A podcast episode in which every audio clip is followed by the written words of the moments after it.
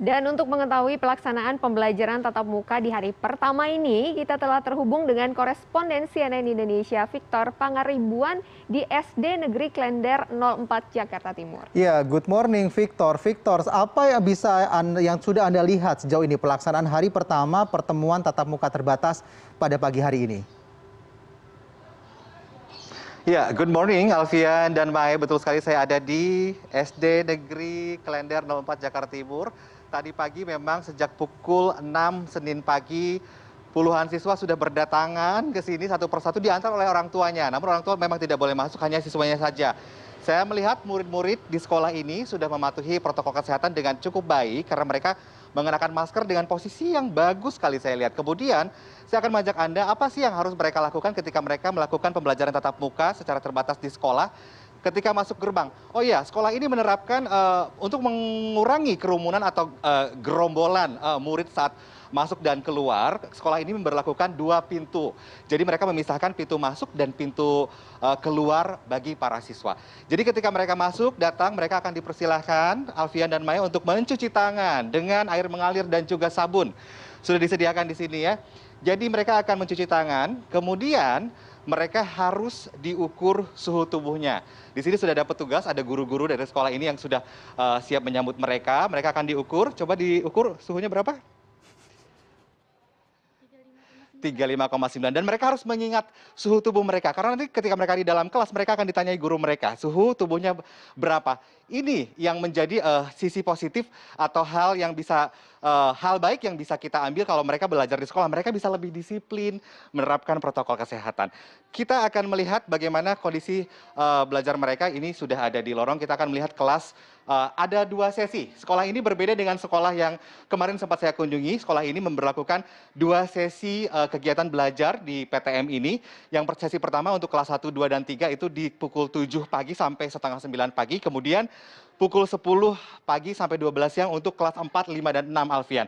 Dan setelah ruangan kelas digunakan setiap sesinya langsung akan disterilisasi, akan disterilkan dengan uh, cairan disinfektan. Mereka akan melakukan penyemprotan secara mandiri begitu untuk menjaga uh, uh, kebersihan agar tidak ada penyebaran virus corona di sekolah.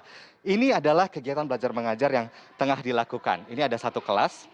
Nah, ini mereka akan belajar selama satu setengah jam alfian tiga puluh menit dikali tiga mata pelajaran.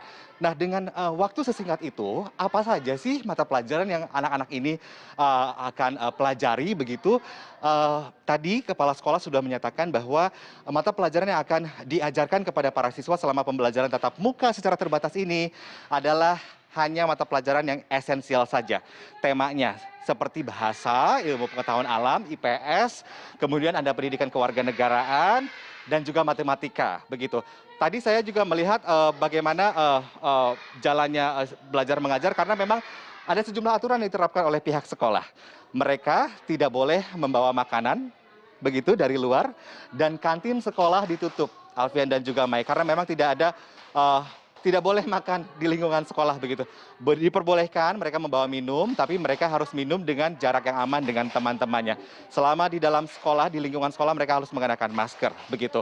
Nah, di uh, sekolah ini ada 444 murid uh, Alfian dan Mai. 400 di antaranya setuju, orang tuanya setuju kalau anak-anaknya belajar di sekolah.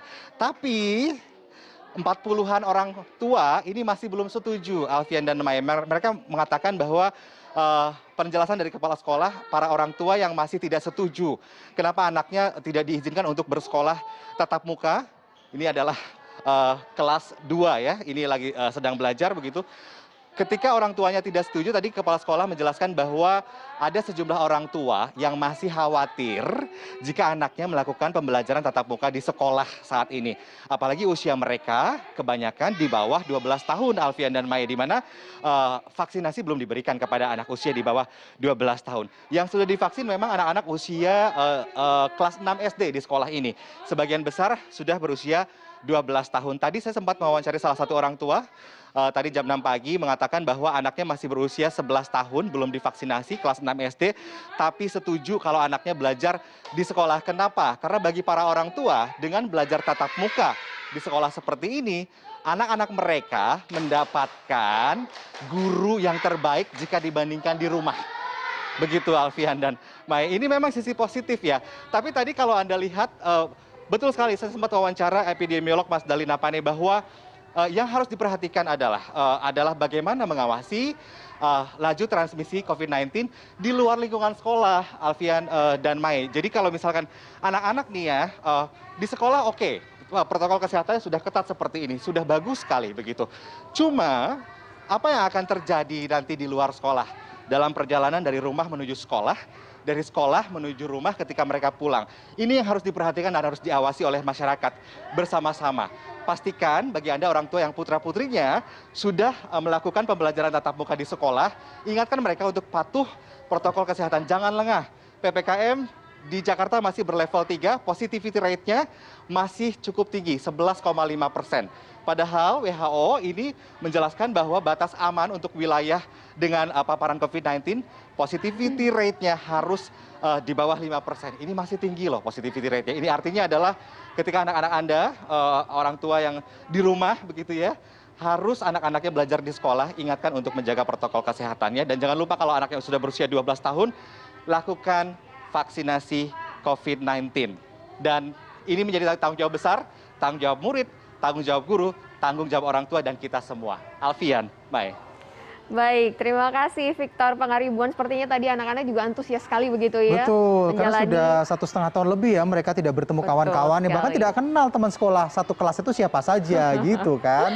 Oke baik, terima kasih atas laporan Anda korespondensi CNN Indonesia Victor Pangaribuan.